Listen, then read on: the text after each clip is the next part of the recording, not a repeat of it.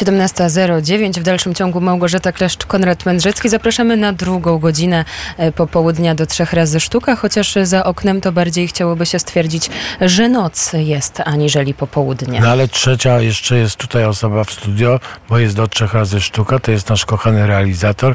Marcin Suchmiel macha do nas ochoczo, tak, wąs cały czas zadbany, bo to głównie to on jest tutaj bohaterem, e, jak mówimy o Marcinie, e, to jest jego wąs, ale teraz... Taki, taki jest sarmacki, tak jak Rymkiewicz lubił sarmatów, prawda? No to taki wąsik to jest sarmacki.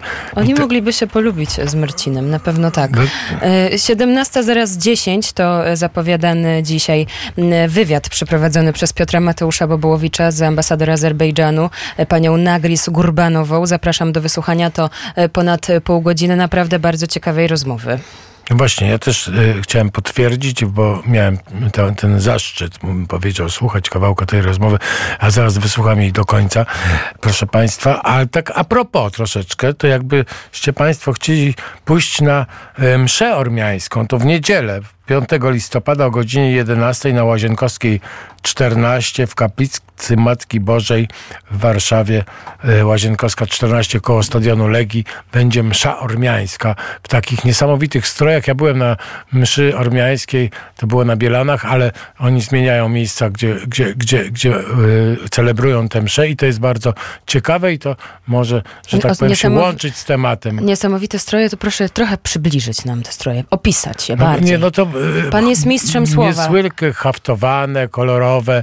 E, były takie korony, jak pamiętam. No, e, no, taka była to troszkę podobne do takich tradycyjnych strydenckich też, ale no, były elementy inne też, tak? To ja nie, nie, nie wszystko dobrze pamiętam. To było jakiś czas temu. Były śpiewy ormiańskie, też niesamowite. Chór ormiański, tak, muzyka e, bardzo ciekawa. To, to, to te elementy się składają no, różne, tak? I stroje, i muzyka muzyka i inny, e, inny, inny rytm. I generalnie rzecz biorąc, więc to, to bardzo, bardzo e, piękne i duchowe przeżycie. E, łapka tutaj już mnie pacyfikuje, więc zamieniam się w ciszę. Słuchamy wywiadu. Gościem Radia Wnet jest Nargis Gurbanowa, ambasador Azerbejdżanu w Polsce. Wasza Ekscelencjo, poprosiła Pani o wywiad na temat sytuacji w Arcachu, w Górskim Karabachu, z powodu czegoś, co zostało powiedziane w naszym radiu. Co to było, co wywołało kontrowersje? Do czego chciałaby się Pani odnieść?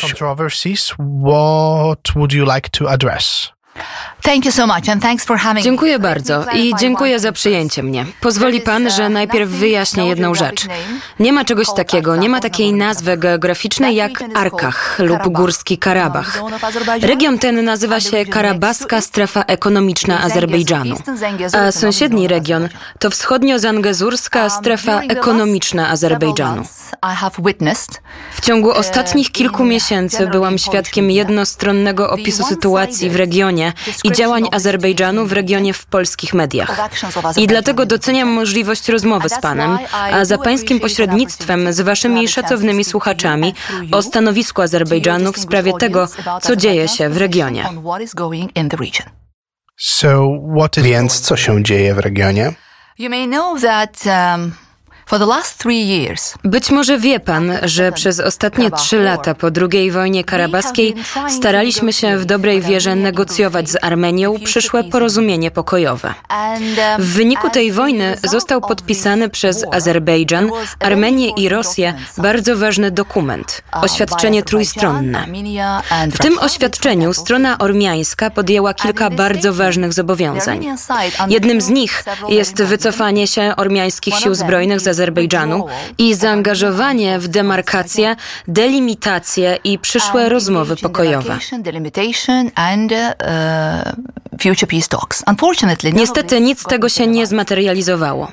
Co więcej, droga laczyńska, która była wówczas pod kontrolą rosyjskiego kontyngentu pokojowego, była szeroko wykorzystywana przez Armenię do transferu amunicji do karabaskiej strefy ekonomicznej w Azerbejdżanie, transferu personelu wojskowego i min lądowych. Uh, military personnel and landmines.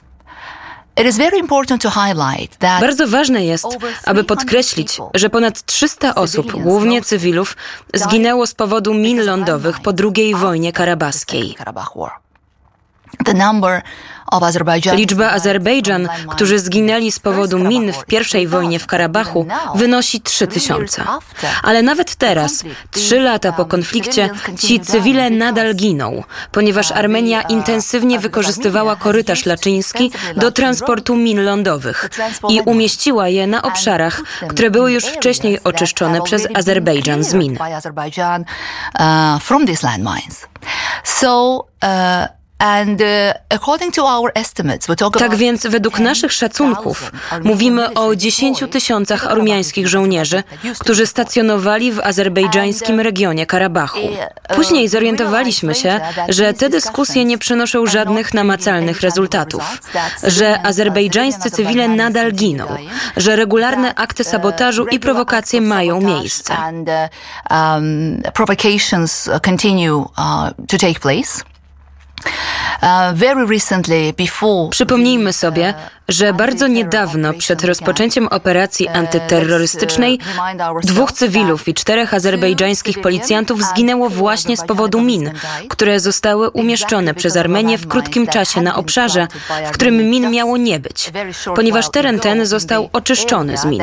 The landmines were not supposed to be because that area had been cleared of landmines. Uh, a while before, Uh, Niedługo przedtem separatyści w Hankendi przeprowadzili wybory, a premier Armenii nawet im pogratulował i zasadniczo kibicował wszystkim tym uh, separatystycznym działaniom. Uh, um, Dlatego Azerbejdżan postanowił rozpocząć operację antyterrorystyczną. Ale co szczególnie należy podkreślić, ta operacja miała bardzo ograniczony zakres. Użyliśmy broni o wysokiej precyzji, aby uderzać wyłącznie w cele wojskowe. W sytuacjach, w przypadkach, gdy widzieliśmy w pobliżu cywilów, przerywaliśmy działania, ponieważ ormiańskie siły zbrojne i zbrojne formacje separatystyczne wszystkie były naszymi uzasadnionymi celami. W ciągu niecałych 24 godzin udało nam się przywrócić spokój i porządek. Ilość broni, którą udało nam się zdobyć tylko w ciągu tego dnia i kilku następnych tygodni jest oszałamiająca. That we managed to capture during that day alone and couple of weeks after that is a mind blowing. Because let me just share with you a couple of figures. Pozwoli pan, że podzielę się kilkoma liczbami. Granaty ręczne 3000 sztuk, naboje 2 miliony sztuk, broń obrony przeciwpowietrznej 165 sztuk, broń przeciwpancerna 58 sztuk, działa i haubice 60 sztuk. Mogę kontynuować. Charakter tego sprzętu i jego szkodliwy charakter wyraźnie pokazywały, że nabył go rząd Armenii, ponieważ tej broni nie mogą zdobyć inne podmioty niż rządowe. I dlatego teraz po tej operacji istnieje realna szansa na pokój w regionie. A teraz rząd Azerbejdżanu angażuje się w działania reintegracyjne.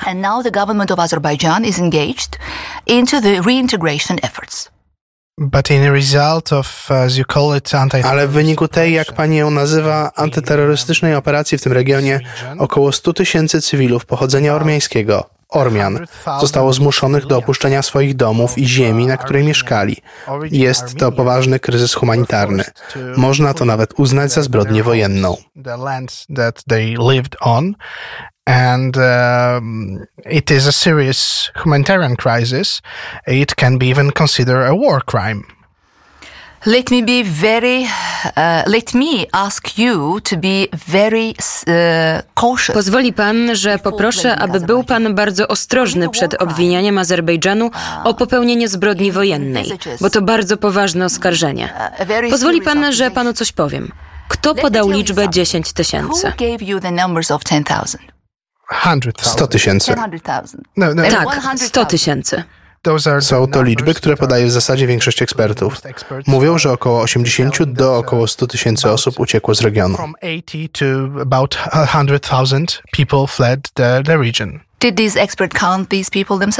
No. Czy ci eksperci sami policzyli tych ludzi?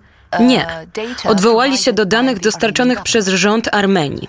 Całość interakcji z rządem ormiańskim przez te kilka lat wyraźnie pokazało nie tylko Azerbejdżanowi, ale wszystkim międzynarodowym rozmówcom, że strona ormiańska nie jest autentyczna i nie jest szczera w ujawnianiu jakichkolwiek informacji. Zaledwie kilka lat wcześniej, ale po drugiej wojnie w Karabachu, pamiętam, jak separatyści wspominali o liczbie 35 tysięcy osób. Sami separatyści wspominali o tej liczbie zaledwie dwa lata temu. Tak więc liczba 100 tysięcy przede wszystkim nie jest realistyczna, ale nie negocjujemy tutaj liczb. Dokładnie, ponieważ nawet jeśli 30 tysięcy osób zostało zmuszonych do ucieczki ze swoich domów, nadal jest to poważna sprawa. Pozwoli pan, że powrócę do stanowiska premiera Armenii Paszyniana. Podczas tej operacji i zaraz po niej to właśnie premier Armenii Paszynian powiedział dwa razy bardzo głośno i wyraźnie, że nie ma zagrożenia dla ludności cywilnej w regionie Karabachu w Azerbejdżanie. To premier Armenii dwukrotnie o tym wspomniał.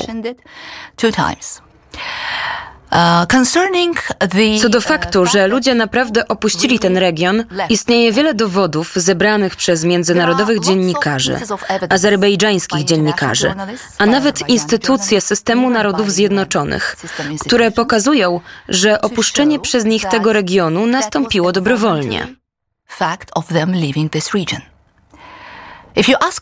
Jeśli zapyta mnie pan, dlaczego tak się stało, niech pan pozwoli, że podzielę się czymś. Wierzymy, że ostatnie 30 lat antyazerbejdżańskiej narracji rządu Armenii i przywódców separatystów w Karabachu wywołały znaczną nieufność wśród ludzi. Demonizowali Azerbejdżan, dehumanizowali Azerbejdżan. I dlatego niektórzy ludzie poczuli się niepewnie i wyjechali. Ale co nawet ciekawsze, uważnie wysłuchałam wszystkich wywiadów. Ludzie w wieku 45, 50 i więcej lat mówili doskonałym językiem azerbejdżańskim. A kiedy ich zapytano, powiedzieli: No cóż, kazano nam odejść. Tak więc nie wszyscy czują się niepewnie. W niektórych przypadkach nakazano im wyjazd. Wyjaśnię panu dlaczego. It's also a case of some of them being ordered to leave. And I'll explain to you why. Przed pierwszą wojną w Karabachu, a właściwie podczas tej wojny i kilka lat przed wybuchem pełnoskalowej wojny, 250 tysięcy Azerbejdżańców musiało uciec z Armenii. Uciekli z Armenii ze strachu przed prześladowaniami. To właśnie nazywam czystką etniczną. I to jest społeczność, która obecnie mieszka w Azerbejdżanie, w Republice Azerbejdżanu. Są uchodźcami i chcą wrócić. Społeczność ta nazywana jest społecznością Azerbejdżanu Zachodniego. I nakazując tym wszystkim ludziom wyjazd z Karabachu, Armenia chce zapobiec powrotowi etnicznych Azerbejdżan do Armenii, promując narrację, że Ormianie i Azerbejdżańcy nie mogą żyć razem. To nonsens. To najbardziej ksenofobiczne stwierdzenie, jakie możemy usłyszeć. Ale w rzeczywistości te oświadczenia wygłosił poprzedni prezydent Armenii Koczarian, który próbował udowodnić tę absurdalną tezę uh, president of Armenia, Kocharian, who asserted uh, this absurd notion. Uh, My, jako rząd Azerbejdżanu, jesteśmy gotowi na reintegrację obywateli Azerbejdżanu pochodzenia ormiańskiego, którzy chcą wrócić do Karabachu. Opracowaliśmy nawet program i mamy bardzo konkretne środki, aby to promować.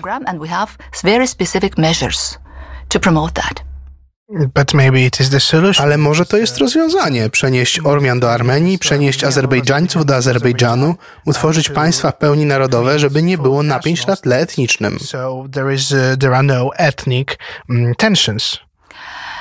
Uh, no mm, uh, Faktem jest, że Armenia jest państwem monoetnicznym. Tak było po pierwszej wojnie w Karabachu, kiedy wypędzili Azerbejdżańców z Armenii. I niestety nie była to pierwsza fala eksodusu Azerbejdżan z Armenii.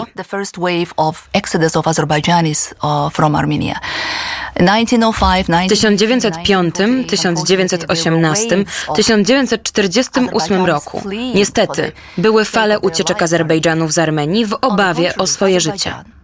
Całkiem przeciwnie, Azerbejdżan jest państwem wieloetnicznym i wielowyznaniowym. W Azerbejdżanie jest 50 mniejszości narodowych. W innych częściach Azerbejdżanu, nawet w Baku, mamy znaczną mniejszość ormiańską.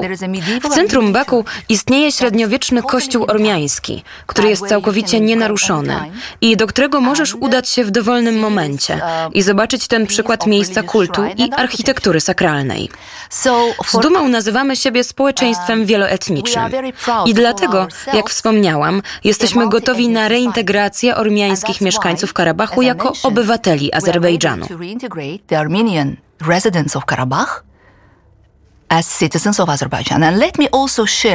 Pozwoli pan, że podzielę się również kilkoma bardzo praktycznymi krokami, które podjął mój rząd. Po zakończeniu operacji antyterrorystycznej rząd powołał grupę roboczą pod przewodnictwem wicepremiera Azerbejdżanu. Ta grupa robocza ma bardzo jasne cele i jasne zadania. Niektóre z nich, kwestie prawne i zarządzania, na przykład zarządzanie na obszarach zamieszkałych przez Ormian będą realizowane za pośrednictwem biur specjalnych przedstawicieli prezydenta. Gminy będą tworzone w drodze wyborów. Kwestie obywatelskie mieszkańców będą rozpatrywane w oparciu o odpowiednie procedury zgodnie z konstytucją Azerbejdżanu. W dziedzinie bezpieczeństwa zakończył się proces rozbrojenia i rozwiązywania grup zbrojnych. Dlatego cała broń została zebrana od mieszkańców. Struktury spraw spraw wewnętrznych Azerbejdżanu będą teraz odpowiedzialne za utrzymywanie porządku. W dziedzinie gospodarki zapewnienie infrastruktury fizycznej i społecznej. Co mam na myśli? Edukacja, opieka zdrowotna, energia, gaz, woda, drogi, komunikacja, nawadnianie.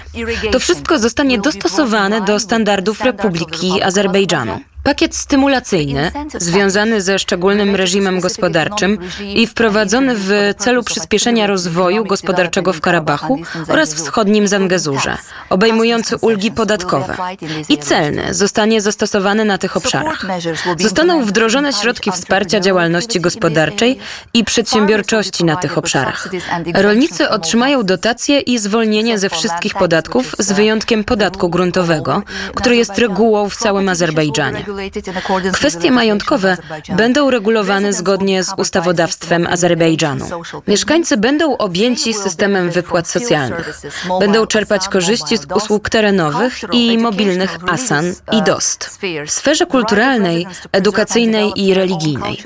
Prawo mieszkańców do zachowania i rozwoju własnego języka i kultury ochrona zabytków kultury, używanie ich lokalnego języka. Wszystkie te rzeczy zostaną zapewnione.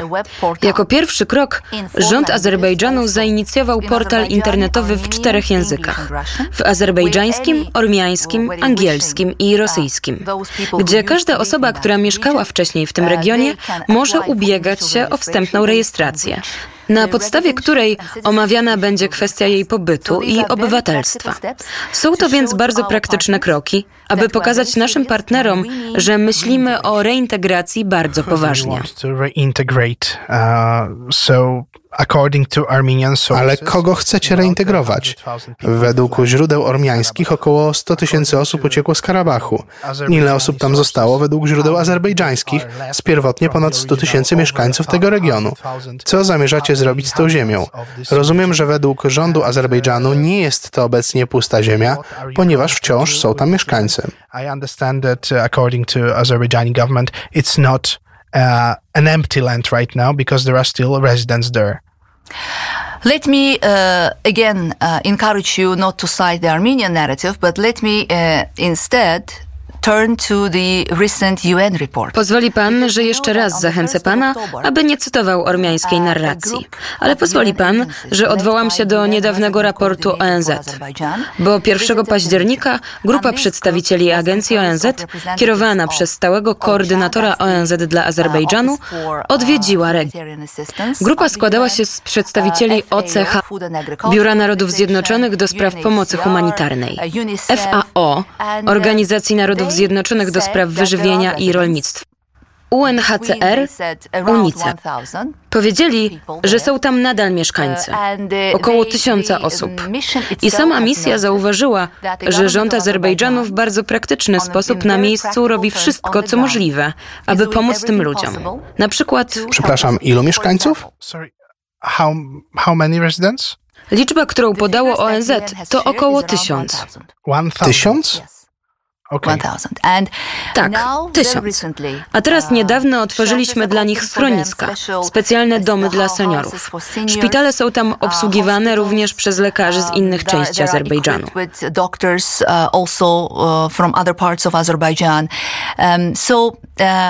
Swoją drogą druga misja ONZ była również w regionie. I oczekujemy, że inne misje również pójdą tam i zobaczą wszystko na własne oczy.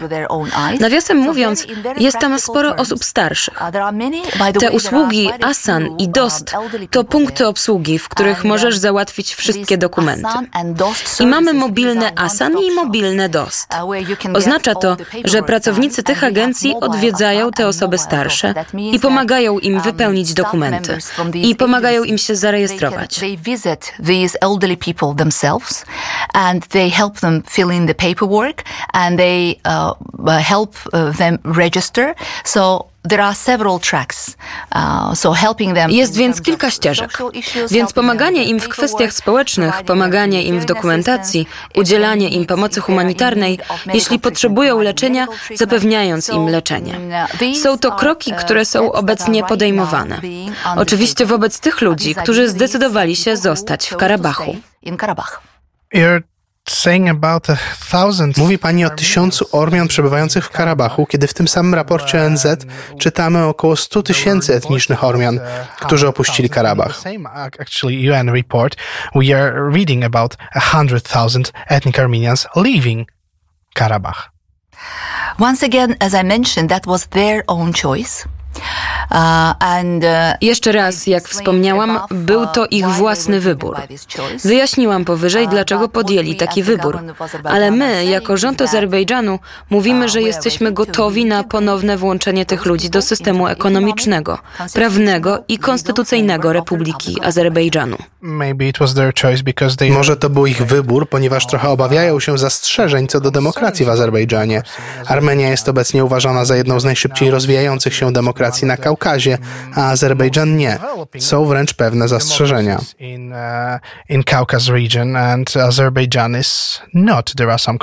Czytał pan dziś rano oświadczenie ormiańskiej rzeczniczki praw obywatelskich? Nie. Um, Powiedziała, że kilku prawnikom uniemożliwiono odwiedzenie swoich klientów w ośrodkach detencyjnych i w więzieniach. Myślę więc, że wiele mówi to o poziomie demokracji w Armenii. Nie mówię, że Armenia jest rozwiniętą demokracją, ale dąży do tego. Próbuje pan oskarżyć mój kraj o to, że nie jest demokratyczny. Proszę pozwolić mi powiedzieć. Nie mówię, że nie jest demokratyczny. Mówię, że są co do tego pewne obawy i być może te obawy podzielali także Ormianie. None of the countries in the region is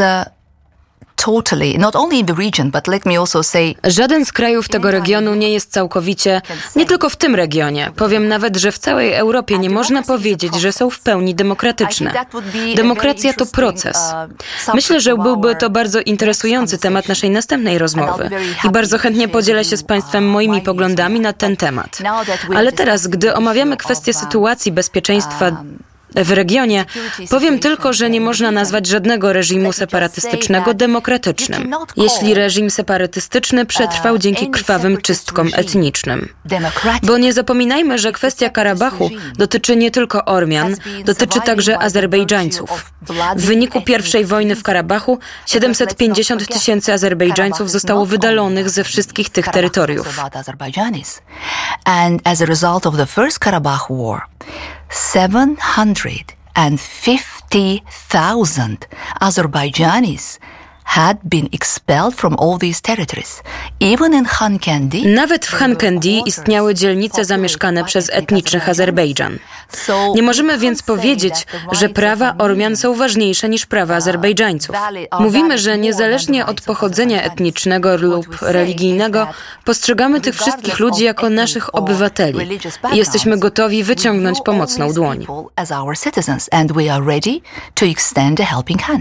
Another concern, another issue Kolejną obawą, kolejną kwestią, która pojawia się w związku z tą, jak pani ją nazywa, operacją antyterrorystyczną w Karabachu, jest rola rosyjskich tzw. Tak sił pokojowych. Właściwie miały one powstrzymać armię azerbejdżańską przed wkroczeniem do regionu, przed działaniem tam.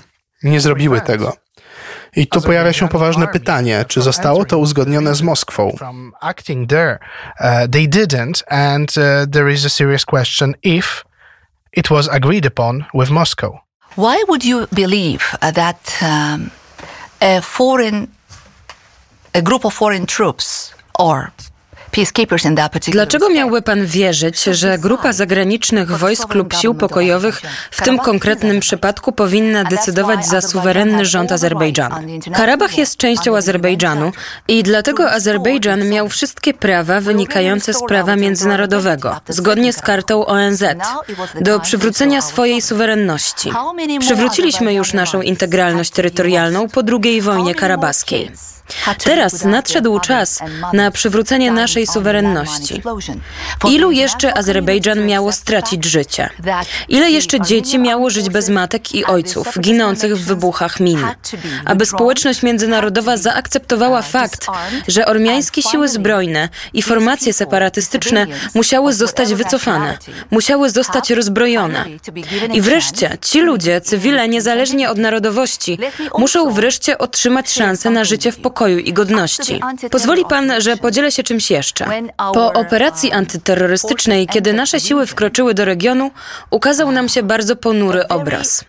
Zaledwie w ciągu ostatnich kilku tygodni odkryliśmy ogromne plantacje narkotyków. 100-hektarową plantację konopi indyjskiej w Chodżale, 10-hektarową plantację konopi indyjskich w Agdam, 5-hektarową plantację konopi indyjskich w rejonie Szusza. Nie w mieście, tylko w rejonie, który był pod rządami separatystów. Jednym z kluczowych czynników, które umożliwiły Armenii angażowanie się w te wszystkie nielegalne działania narkotykowe przez wiele lat, była okupacja terytoriów Azerbejdżanu. Tak więc 132 kilometry naszej południowej granicy nie było kontrolowane przez wiele lat. Wszystkie te szczegóły pokazują, że plantacje te zostały zaprojektowane podobnie w celu masowej produkcji. Były skrupulatnie zorganizowane i otrzymywały regularny nadzór agrotechniczny. Tak więc, naruszając wszystkie swoje zobowiązania wynikające z jednolitej konwencji o środkach odurzających ONZ z 1961 roku, z konwencji ONZ o substancjach psychotropnych, tropowych z 1971 roku i z konwencji ONZ o zwalczaniu nielegalnego obrotu środkami odurzającymi i substancjami psychotropowymi z 1988 roku. Armenia wykorzystywała te obszary do przemytu broni, do uprawy i przemytu narkotyków i oczywiście musiała zostać powstrzymana. weapons, for cultivation, smuggling of drugs, and of course it had to be stopped. It seems that Armenia right now wants a peaceful talks with Azerbaijan. Wygląda na to, że Armenia chce teraz pokojowych rozmów z Azerbejdżanem na temat statusu Karabachu, o przyszłości ludzi, którzy tam mieszkali. Azerbejdżan wydaje się jednak nie chcieć zbytnio takich rozmów. Prezydent Alijew odrzucił spotkanie z premierem Armenii Nikolem Paszynianem w Granadzie 5 października. Dlaczego? The initial talks were uh, supposed to include Charles Michel, the president of the um, EU Council, Pierwotnie w rozmowach miał wziąć udział Charles Michel, przewodniczący Rady Europejskiej, prezydent Azerbejdżanu i premier Armenii. Później Francja chciała interweniować, na co pozwoliliśmy. Później zdaliśmy sobie sprawę, że Francja nie działa w dobrej wierze jako bezstronny rozjemca. Nie jest to zaskakujące, ponieważ przez ostatnie 30 lat Francja poniosła porażkę w roli mediatora, ponieważ Francja nigdy nie była i nie jest naprawdę zainteresowana zaprowadzeniem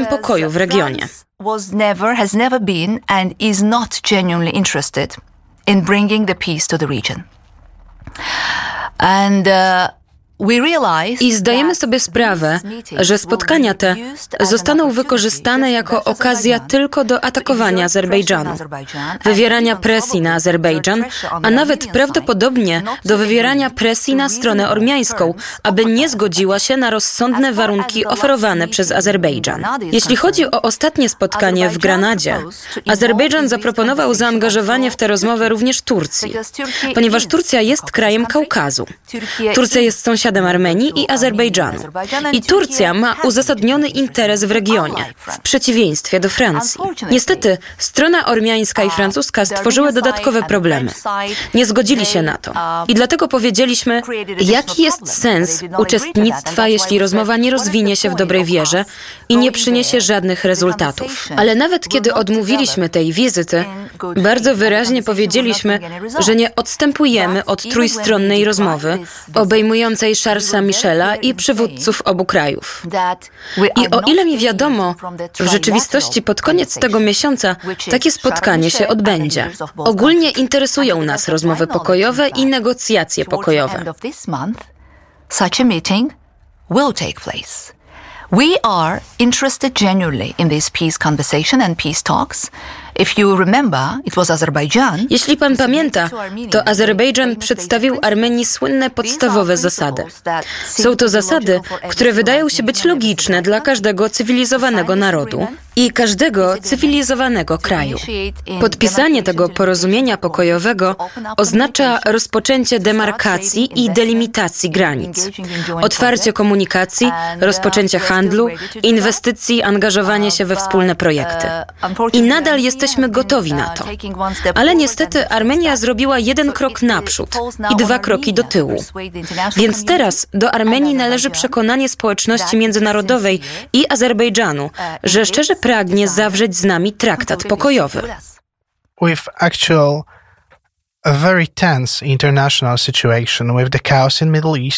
Przy obecnej bardzo napiętej sytuacji międzynarodowej mamy chaos na Bliskim Wschodzie, możliwą wojnę o zasięgu regionalnym. Niektórzy eksperci wyrażają obawy, że Azerbejdżan wykorzysta tę niestabilną sytuację na świecie i siłę rozpędu do dalszego ataku na Armenię, do ustanowienia korytarza do Nachczewanu.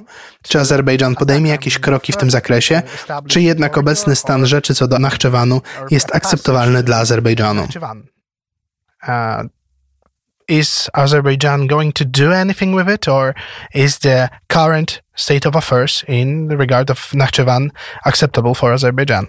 Azerbaijan has always been an adept and a staunch supporter Azerbejdżan zawsze był zagorzałym zwolennikiem podstawowych zasad prawa międzynarodowego, a mianowicie integralności terytorialnej, suwerenności i nienaruszalności międzynarodowo uznanych granic. Dlatego nigdy nie zgodziliśmy się i nie zaakceptowaliśmy faktu okupacji prawie 20% terytoriów Azerbejdżanu. When it concerns the Jeśli chodzi o korytarz zangezurski, o którym pan mówi, negocjowaliśmy w dobrej wierze i wierzę, że podobnie było po stronie ormiańskiej. Możliwość połączenia z Nachczewanem. Myślę, że jest to również zrozumiałe, ponieważ jest oczywiste, że jest to uzasadniony interes Azerbejdżanu, aby mieć połączenie z Nachczewanem. Kiedy rozmowy toczyły się zaraz po II wojnie w Karabachu, Azerbejdżan nie kontrolował drogi laczyńskiej. I dlatego powiedzieliśmy stronie armiańskiej, że jeśli nazwał tamtą drogę korytarzem, to my też nazwiemy tę drogę korytarzem. Ponieważ status korytarza i status drogi są nieco inne. Zatem albo suwerenność żadnej ze stron nie jest akceptowana, albo suwerenność obu stron jest akceptowana. So, either sovereignty of both sides are not accepted, or the sovereignty of both sides is accepted. Oczywiście naturalny wybór i zrozumienie prawne polega na tym, że jakakolwiek droga przez Azerbejdżan stanowi suwerenną własność Republiki Azerbejdżanu. Niezależnie od tego, jaka droga przechodzi przez terytorium Armenii, stanowi suwerenną własność Republiki Armenii. Nigdy tego nie kwestionowaliśmy. Teraz, gdy odzyskaliśmy pełną kontrolę nad drogą laczyńską i mamy tam punkt kontroli granicznej i celnej, mamy szansę kontrolować przepływ towarów, tak jak Polska, tak jak każde inne państwo członkowskie Unii Europejskiej. Więc w zasadzie status drogi zangezurskiej jest taki sam. Ale jeśli Armenia nie chce dać nam tej szansy, to Armenia nie chce dać sobie szansy na połączenie się z ogromnym rynkiem Azji Środkowej przez Azerbejdżan. Nie patrzymy na to tylko z perspektywy Azerbejdżanu. Armenia jest odizolowanym, maleńkim i najbardziej zubożałym krajem Kaukazu Południowego. Armenia ma historyczną szansę wykorzystać swoją drogę w Zangezurze, aby połączyć się z Azerbejdżanem, a przez niego z dynamicznie rozwijającym się rynkiem Azji Środkowej i dalszym. Ponieważ nie widzieliśmy prawdziwego zainteresowania po stronie ormiańskiej, a jedynie prowokacje i manipulacje. Ostatnio zdecydowaliśmy, że Azerbejdżan, Turcja i Iran opracują alternatywną trasę przez rzekę Arax, gdzie niedawno położyliśmy fundamenty i zbudujemy ogromny, bardzo nowoczesny most, który ułatwi nam dostęp do Nachczewanu. Znowu Armenia będzie po stronie przegranej. So again, Armenia will be on the losing side. Last question from me. Ostatnie pytanie ode mnie. W 2020 roku mediatorem i gwarantem procesu pokojowego między Armenią a Azerbejdżanem była Rosja. Dziś wiemy, że Rosja nie jest krajem przestrzegającym prawa i nie ma żadnego poszanowania dla integralności terytorialnej i prawa międzynarodowego. Czy więc zamierzacie wykluczyć Rosję z tego procesu i znaleźć innego mediatora, inną stronę trzecią, czy zamierzacie utrzymać Rosję w tej roli? different mediator, different third party, or are you going to, to keep Russia in this role? Our recent experience has showed that France Nasze ostatnie doświadczenia pokazały, że Francja na przykład nie jest wiarygodnym partnerem, prawda? A jeśli chodzi o Rosję, Turcję i Iran, są to nasi sąsiedzi. Są to kraje regionu. Wszyscy dzielimy Kaukaz. Ale kiedy mówimy o mediacji, słowo mediacja moim zdaniem nie jest tutaj właściwe, ponieważ wszystkie te kraje były mediatorami jako współprzewodniczący grupy mińskiej, która już nie jest ważna, nie istnieje i już o niej nie mówimy. Zawsze opowiadaliśmy się za bezpośrednimi rozmowami z Armenią. To Armenia próbowała ukryć się za różnymi plecami. To Armenia nigdy nie chciała negocjować w dobrej wierze. Niezależnie od tych wszystkich wydarzeń, wciąż tu jesteśmy. Nadal jesteśmy w regionie i nadal jesteśmy gotowi do negocjacji. Oczekuję więc, że społeczność międzynarodowa, ta społeczność ekspertów, do której tak szeroko się pan odwołuje, wywrze presję na Armenię przed rozmowami pod koniec tego miesiąca, aby zasiadła przy stole negocjacyjnym, działała jako odpowiedzialny członek społeczności międzynarodowej. Działała jako odpowiedzialny sąsiad na Kaukazie i zaangażowała się w rozmowy pokojowe.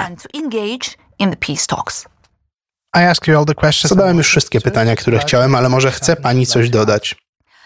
Let me add by saying that yesterday uh, a very important event took place. Dodam, że wczoraj miało miejsce bardzo ważne wydarzenie, gdy flaga państwowa Azerbejdżanu została podniesiona w Hankendi. Ale co ważniejsze, w mieście Chodżale. Mam 48 lat.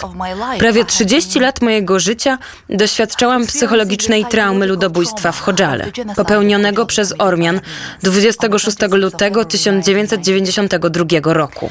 Kiedy to w ciągu jednej nocy zostało ze szczególnym okrucieństwem zamordowanych 613 cywilów, kobiet i dzieci oraz osób starszych. I teraz myślę, że mogę poczuć ulgę, że wreszcie te dzieci, które przeżyły tę masakrę, ci starsi, którzy nie mieli szansy na pochowanie swoich krewnych, wreszcie mają szansę wrócić do Chodżale aby opłakiwać i pochować swoich krewnych, zgodnie z naszymi tradycjami i zapalić świecę nadziei dla regionu, dla naszej przyszłości, dla tych, którzy mają szansę wrócić do tych terenów, by żyć bezpiecznie i godnie for those people who have a chance to get back to these areas, to live in safety and in dignity. Thank you very much for this conversation. Dziękuję bardzo. Rozmowa ta została nagrana 16 października. Ze względu na czas, który minął między nagraniem a publikacją tej rozmowy, należy tu wspomnieć o tym, że rozmowy, o których mówiła pani ambasador, nie odbyły się Zostały one przesunięte na bliżej nieokreślony termin w bliskiej przyszłości. I to był Piotr Mateusz Bobołowicz, jego wywiad z ambasador Republiki Azerbejdżanu w RP, panią Nagris Gubarnową, Gurbanową, e, tak to są RB, e, takie literki i niebawem dostępne na naszym portalu wnet.fm. Zapraszamy Państwa do wysłuchania. Przed chwilą wysłuchaliśmy utworu Davida Bowie. Ja też często słuchając tego e, muzyka myślę sobie o Davidzie Lynchu. Oni się poznali, poznali się na planie do filmu Twin Peaks i zresztą David Lynch z podziwem wypowiadał się o Davidzie Bowiem.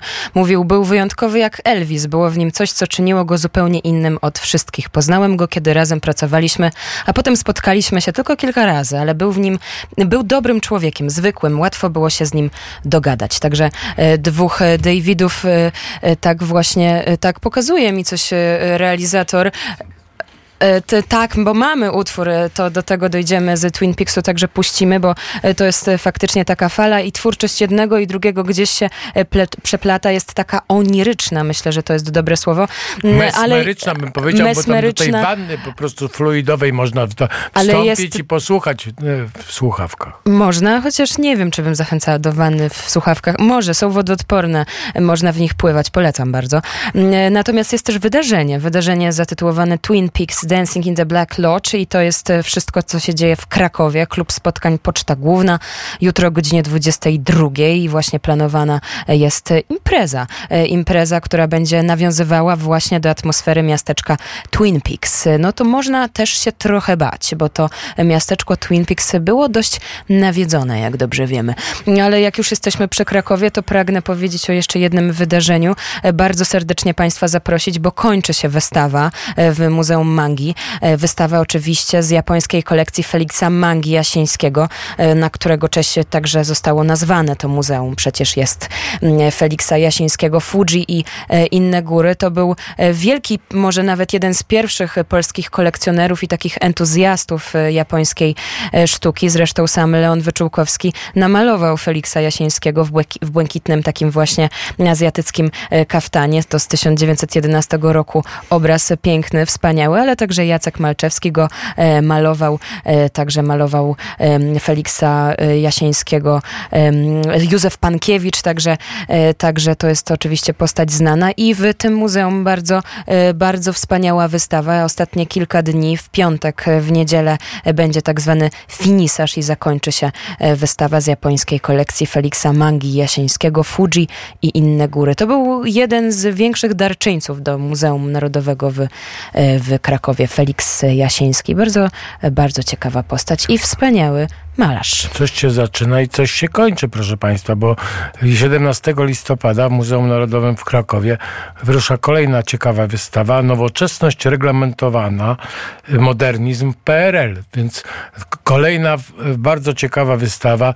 Jesteśmy zwolennikami modernizmu w, w dużej mierze, tego e, takiego prawdziwego modernizmu, nie prze, że tak powiem, nie przykabaconego, tak bym to ujął, e, generalnie rzecz biorąc. Więc 17 y, y, zaczyna się nowa wystawa w Muzeum Narodowym w Krakowie i bardzo zachęcamy zainteresować się tą, tą wystawą. W Warszawie nawet już się pojawiły plakaty na przystankach, także bardzo często y, my tutaj łączymy się sercem z Krakowem i bardzo uprzejmie zachęcamy. W Krakowie zawsze jest gdzie pójść, bym powiedział. No jedne wystawy się kończą, drugie się zaczynają, a jeszcze jest taka, takie, taka cała masa wystaw stałych i, i można po prostu się tam w sztuce za, zanurzyć, jak w łodzi podwodnej, że tak powiem, bo tutaj mam tutaj trzy widzę łodzie podwodne, zacząłem liczyć tutaj, bo przed chwilą raz, dwa, trzy, cztery, pięć, sześć, mamy tutaj dużo łodzi podwodnych, a w peryskopie łodzi podwodnej oko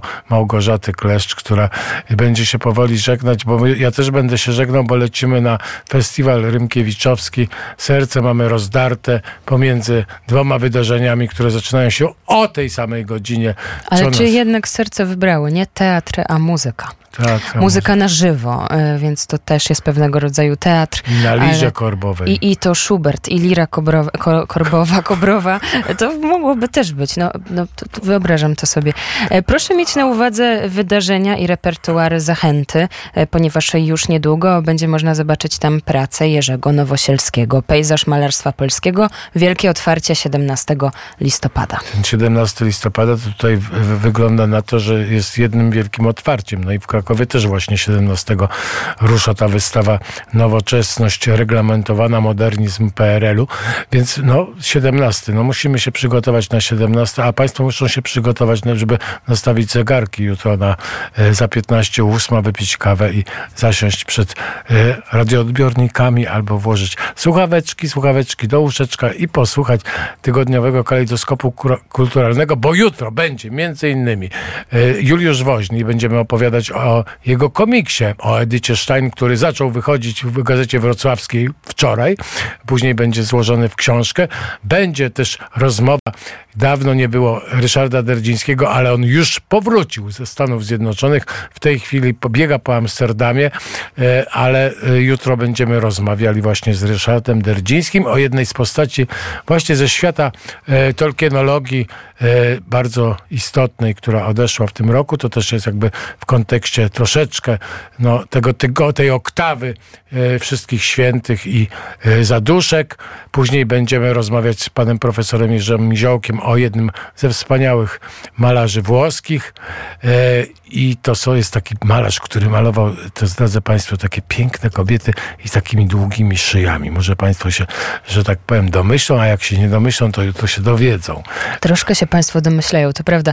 Ryszard Derdziński wrócił ze Stanów Zjednoczonych, Łukasz Jankowski jeszcze nie, ale bardzo czekamy. Być może teraz przy jakimś moście bruklińskim, nie wiem, patrzy, podziwia, a może też nie. W Nowym Jorku jest godzina 13. E, Mamy nadzieję, że Łukasz niebawem wróci w tym studio, zasiądzie i e, reaktywuje rozmowy polityczne, e, które e, prowadzi kurier w samo południe, popołudnia, poranki. Czekamy bardzo, mm, ale już w imieniu Jaśminy Nowak zapraszam Państwa na poniedziałkowy poranek. Tutaj będzie dużo tej polityki i geopolityki, takiej bardziej międzynarodowej. Także zapraszam. A jeżeli Państwo nie mogą spamiętać, no bo kto by mógł spamiętać o tych wszystkich wydarzeniach artystycznych, koncertach, debatach, wykładach i pokazach, to jest taka audycja radiowy słup ogłoszeniowy. W każdy piątek o godzinie 11.05 uszy w słup. A jak ktoś na przykład coś tam przeoczy, to może później zrobić, wejść na stronę www.net.fm i odszukać